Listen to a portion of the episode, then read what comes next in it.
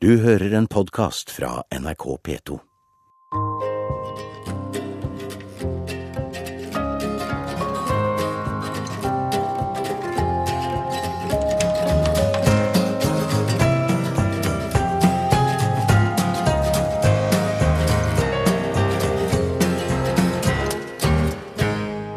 Jeg heter Trygve Hegnar, og dere hører på Sommer i P2.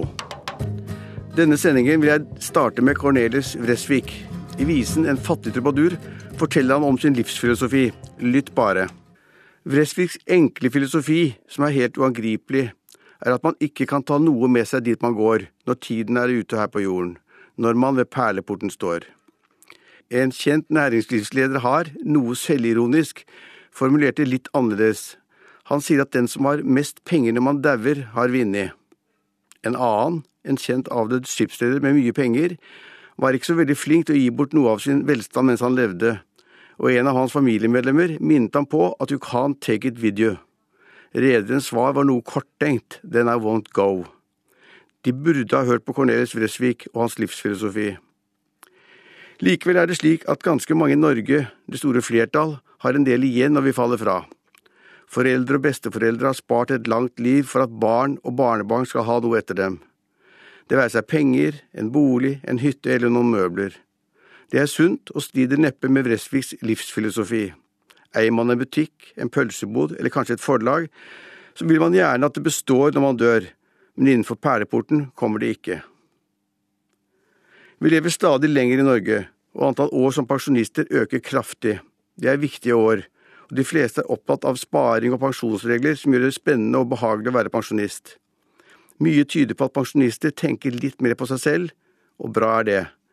Vi vil bruke mer på oss selv. Dette også fordi den materielle velstanden stadig øker, og man må ikke spare like mye til sine etterkommere. De greier seg nok. Den bergenske industrilederen Trond Moen solgte for noen måneder siden familiens pumpefabrikk for 12 milliarder kroner. Moen har allerede gitt mer enn 1 milliard kroner til idrett, forskning og medisin. Pumpefabrikken går så det suser. Men Trond Moen sier det er morsommere å gi bort enn å tjene penger. Han har hørt på Vresviks skjønne vise. Du kan ikke ta noe med dit du går. Moen vil faktisk gi bort det meste. I min virksomhet som journalist og redaktør har jeg brukt mye av min tid på hvordan det kan skapes verdier. Men det er ingen motsetning mellom dette og å forstå budskapet fra den fattige trubaduren. I Hegna Media har vi brukt trubadurens vise som pausemusikk på sentralbordet. Edvard Griegs Morgenstemning, som ble skrevet i Ibsens Per Gynt på slutten av 1800-tallet, er en fantastisk melodi. Noe av det vakreste jeg har hørt. Det er som man faktisk ser Norge på det beste. Morgenlyset, sjø, fjorder, fjell og det vakre det norske landskapet kan by på. Her må man nesten bli grepet. Orkestermusikk og Norge eventyrlig. Hvordan skal man så bevare dette landet? Med bosetting og arbeidsplasser i byer, bygder og på de fjerneste fjellgårder. Jeg står tidlig opp, det må jeg innrømme, mellom fem og seks hver dag hele året, og det er da jeg som oftest skriver mine daglige ledere i Finansavisen og Kapital. Mange av disse har handlet om norsk landbruk og norske bønder. Når jeg spiller Griegs morgenstemning, ser jeg bøndene i havgapet og på kornåkrene på Jæren. Da jeg var ungdom, var det i Norge rundt 150 000 gårdsbruk, nå er det bare 43 000 aktive bønder igjen. Stort sett har det blitt borte et par tusen bønder hvert år. De har ikke forsvunnet, men funnet seg noe annet å gjøre. I flere tiår har jeg sagt og skrevet at landbrukspolitikken må endres. Man må finne på noe nytt. Samfunnet og skattebetalerne kan ikke overføre 12 milliarder kroner til bøndene hvert eneste år, og samtidig ha verdens dyreste mat. Har jeg skrevet, men ingen lytter, intet endres. Folk sier at pressen har stor makt. Det er mulig, men det gjelder i hvert fall ikke meg og landbrukspolitikken. Alle, også jeg, vil ha bosetting i distriktene og et vakkert kulturlandskap. Norske gårder og bønder er da et førstevalg. Men med de enorme summene som bøndene får hvert år, er det også klart at pengene, eller en del av overføringene, kunne vært brukt på noe helt annet. I næringer hvor ikke antall ansatte, altså bøndene, forsvinner i tusentall hvert eneste år. For forbrukerne er det enkelt. God og kortreist norsk mat er bra. I Hurtigruten, hvor jeg er styreleder, satser vi voldsomt på kortreist mat og leveranser fra lokalsamfunnene som Hurtigruten anløper hver dag. Men det er et faktum at de norske matvareprisene vil bli halvert hvis vi åpnet grensene til Sverige, Danmark og andre EU-land. Den såkalte harryhandelen i Sverige forteller oss hva mange vil ha. Det er også et paradoks at Norge med stor suksess selger fisk, som også er mat, til utlandet for 60 milliarder kroner hvert år. Bare lakseeksporten utgjør 30 millioner måltider hver eneste dag. Norge er en kjempeeksportør av mat. Hva er da så galt med svinekjøtt fra Danmark eller kyllinger fra Sverige? Jeg vil derfor ha et robust landbruk hvor bøndene, de som er igjen, får en anstendig inntekt. Uansett vil det bli færre bønder. De 43 000 bøndene vi har, har aldri produsert mer mat enn i dag. Bøndene er produktive og flinke. La oss slippe dem fri, akkompagnert av Griegs morgenstemning. Sangen Smile, fremført av Nat King Cole, er en av mine favoritter. Musikken ble laget i Charlie Chaplins film Modern Times i 1936. Det var filmen som skulle vise verden hvordan fabrikkarbeiderne ved samlebåndene virkelig hadde det. Hør her. Men svart-hvitt-filmen fikk meg til å hyre av latter da jeg så den som barn. Chaplin prøvde alt, i arbeid og privatlivet, men han fikk hele tiden døren slengt i ansiktet. Men han ga aldri opp. Chaplin snublet, falt, ble overkjørt, dyttet og banket opp, men opp kom han igjen, en perle i filmhistorien. Melodien Smile får meg alltid til å minnes denne filmen og Chaplin. En av mine beste venner døde i fjor, og på dødsleiet bestemte hun at Smile skulle spilles i begravelsen. Rørende og sterkt. Vi som er igjen, får stå oppreist og glede oss over livet. Selv har jeg følt dette mange ganger. Man går ikke gjennom livet uten nederlag og motgang. I idretten, hvor min ungdoms glede var håndballen, gikk tap hånd i hånd med seire. Vi lærte å tape. Vi lå nede, og vi kom tilbake. Ikke alltid med et smil, men vi var heller ikke Charlie Chaplin. Jeg har også fått føle kreften og vært heldig. Det skumle er blitt operert bort. Da smiler man godt etterpå. På'n igjen. På Aker sykehus syntes de det var et underlig og merkelig lys under dyna halv fem om morgenen i min seng. Det var bare det blå lyset fra min iPad. Lykken var å få fortsette skrivingen. Smile. Så over til noe helt annet. Pink Floyd, et av rockehistoriens mest suksessrike band, lanserte i 1973 LP-en The Dark Side of the Moon. Der hadde Pink Floyd-gutta melodien Money. Mange skal visstnok ha trodd at melodien Money egentlig var en hyllest til penger, mye penger. Men det er selvfølgelig feil. Sangen og musikken var ironisk ment. Og ironisk nok ble Money en fantastisk kassaskusse. Albumet skal ha solgt i 50 millioner eksemplarer, og lå på Billboard Top 200 i 740 uker, det vil si mer enn 14 år uten å falle ut av listen en eneste gang. Det er da lett å forstå at bandets medlemmer ble veldig rike og fikk den velstanden de hadde kritisert. De kjøpte, blant mye annet, store hus på landet og begynte å samle på gamle biler, slik jeg også gjør. Money is gas, grab that cash with both hands and make a stash. Kjøp kaviar, ny bil, et fotballag og reis med egen lerighet, sa de, men mente det ikke. Away, away, away. Rockehistorie ble det med Pink Floyd. Mange hevder at vi, 40 år etter at Pink Floyd sang om det, danser rundt gullkalven og bare drømmer om store biler, båter og hus. Det er langt fra sannheten. Rett nok er det slik at vi også i Norge har virkelig rike mennesker, som for eksempel Kjell Inge Røkke, som har både privatfly, kjempeseilbåt og eget fotballag, nemlig Molde. Men Røkke er gått fra å være en enkel fisker som fisker fra en tråler på østkysten av USA i syv år, til å bli en industrialist med stort samfunnsansvar og lav profil. I Norge er det faktisk slik at de som virkelig kan koste på seg privatfly, kvitter seg med dem.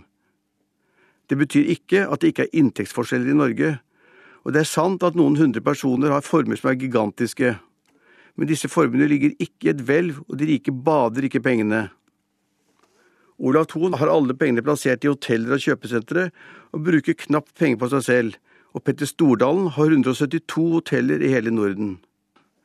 Norges rikeste, skipsrederen Jon Fredriksen, har mesteparten av sin formue i tankbåter, tørrlagsskip og borerigger men han har også et av de største husene i London, som sies å være verdt én milliard kroner, og et stort privatfly.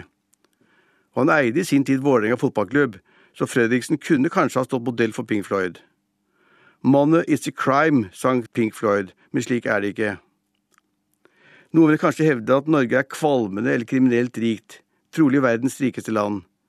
Vi har alle sammen en sparebøsse i det som kalles oljefondet, på ikke mindre enn 5000 milliarder kroner, og det blir én million kroner på hver av oss. Ingen andre land har noe slikt. Om 10–20 år er det sannsynligvis dobbelt så mye. Vi nordmenn kan altså bade i penger. Noen sier at dette egentlig er en ulykke. Vi må, av hensyn til klimaproblemene og trusselen om en altfor sterk temperaturstigning på vår klode, avvikle olje- og gassvirksomheten vår. Jeg ser problemet, men jeg tror ikke vi kommer til å avvikle olje- og gassvirksomheten i Norge de nærmeste 20, 30 eller 40 årene. Vår velferd hviler på denne oljerikdommen, vi er også ganske flinke til å dele med resten av verden. Resten av verden, den fattige delen, vil trenge energi, og Norge har denne. Vi må bidra. Vi kan kanskje begynne å tenke på hva vi skal gjøre etter oljen, men det er veldig langt frem. Away, away, away. Her er det ikke nødvendig å si mye. Intet å legge til og intet å trekke ifra. Leonard Coven synger slik vi alle en gang har følt det. Bundet kjærlighet som man ikke vil løpe ifra. Forfatteren og sangeren Coven, som har hatt utallige konserter i Norge de siste 30-40 årene, senest i fjor, har med sin dype og hese stemme fått mange til å lytte om alt fra politikk og kjærlighet til religion. Årsaken til Covens mange norgesbesøk og mange konserter her skyldes trolig at han i noen år hadde en norsk kjæreste, Marianne Jensen, derfor sangen So Long Marianne. Coven begynte som rent forfatter, men skal angivelig ha sagt at han ikke kunne leve av det. Han begynte derfor som låtskriver, og deretter sang han tekstene selv. Tekstene er ofte så tunge og depressive at en anmelder en gang skal ha skrevet at platene til Coven burde selges sammen med barberblader. Men Ain't No Cure for Love holder lenge hvis man tror på kjærligheten, og det gjør jeg. Det er sommer og No Cure for Love. Men nå noe lystigere. Abbas Money Money. Også denne sangen har vi hatt som pause- og ventemusikk hos sentralbordet i Hegna Media. Litt for å provosere, og litt for å ha det gøy. Bjørn, Benny, Agnete og Frida synger altså om det som kanskje gjelder mange. Man arbeider dag og natt, og det blir lite igjen. Derfor blir drømmen eller løsningen å skaffe seg en riking, eller, hvis det ikke lykkes, reise til Las Vegas eller Monaco for å spille seg til rikdom i the rich man's world. Money, money, money must be funny. Men en bedre grunn til å ha Money Money som pause- eller ventemusikk, er den suksessen de fire hadde. Det er i år 40 år siden kvartetten vant Eurovision Song Contest, eller Melodi Grand Prix, med sangen Waterloo, etter å ha feiret grovt året før med tittelen Ring Ring. Men Bjørn, Benny, Agneta og Frida ga ikke opp, og det ble til slutt en eventyrlig suksess, også økonomisk.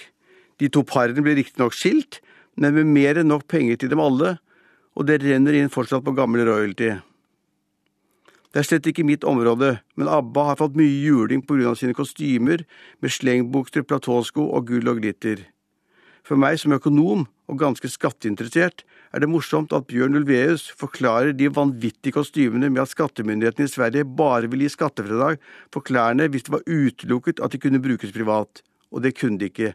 Det måtte være såkalt arbeidsantrekk. Det var hjemmelaget glamour som erobret verden. Money, money, money must be funny. Det var det vi i redaksjonen hadde som ventemusikk, til manges glede og overraskelse.